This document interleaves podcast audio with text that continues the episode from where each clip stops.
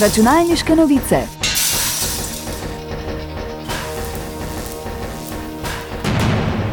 Prisluhnite novostim in zanimivostim z področja računalništva.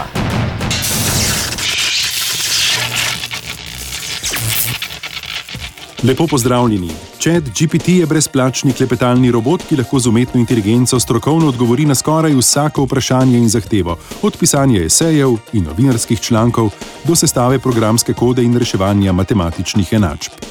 Zmogljivost najnovejše umetne inteligence je prestrašila izobraževalne ustanove, ki se bojijo, da bo umetna inteligenca omogočila enostavno plagiatorstvo.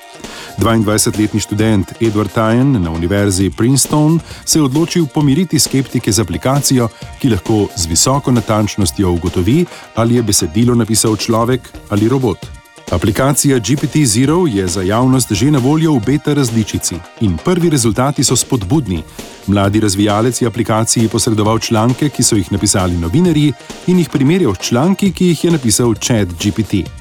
Dejal je, da je aplikacija uspešno ugotovila razliko med besedili z manj kot dveodstotno lažno pozitivno stopnjo. Računalniške novice. Mazdini inženirji so na 1600 km potovanju z avtomobilom MX5 Majata preizkusili novo vrsto nefosilnega goriva. Dvosedežni roadster, ki pred testom ni bil deležen nikakršnih predelav, se je med enotedenskim testom obnesel odlično.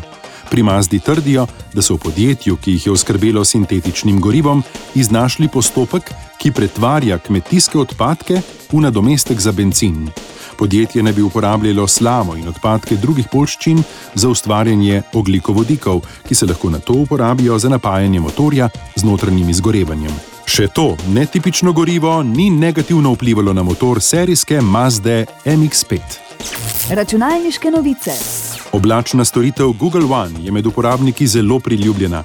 Omogoča, da na njo shranimo vse od videoposnetkov do glasbe in dokumentov, tako da je vsa vsebina dostopna kjerkoli in kadarkoli, ter omogoča preprosto deljenje.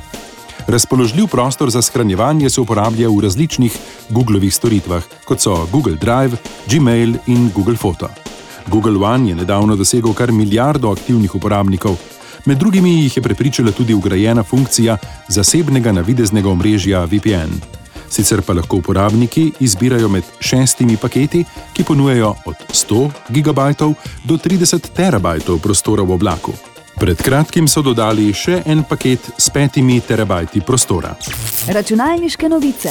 Na trgu brezžičnega polnjenja prevladuje konzorcij Wireless Power Consortium, ki je odgovoren za razvoj brezžičnega standarda QE. Krivec za monopol na trgu je neaktivnost druge največje družbe Air Fuel Alliance, ki je potrebovala več let, da je pred kratkim vendarle uspela predstaviti lasten brezžični standard za polnjenje Air Fuel RF.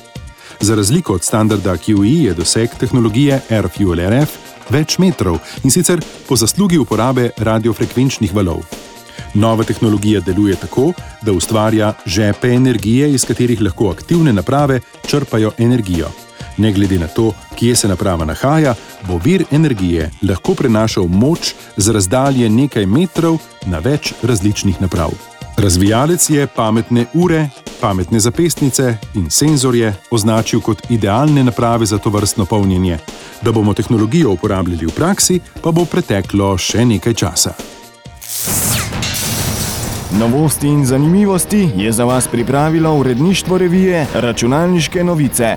Prisluhnete nam lahko ponovno naslednji teden ob istem času.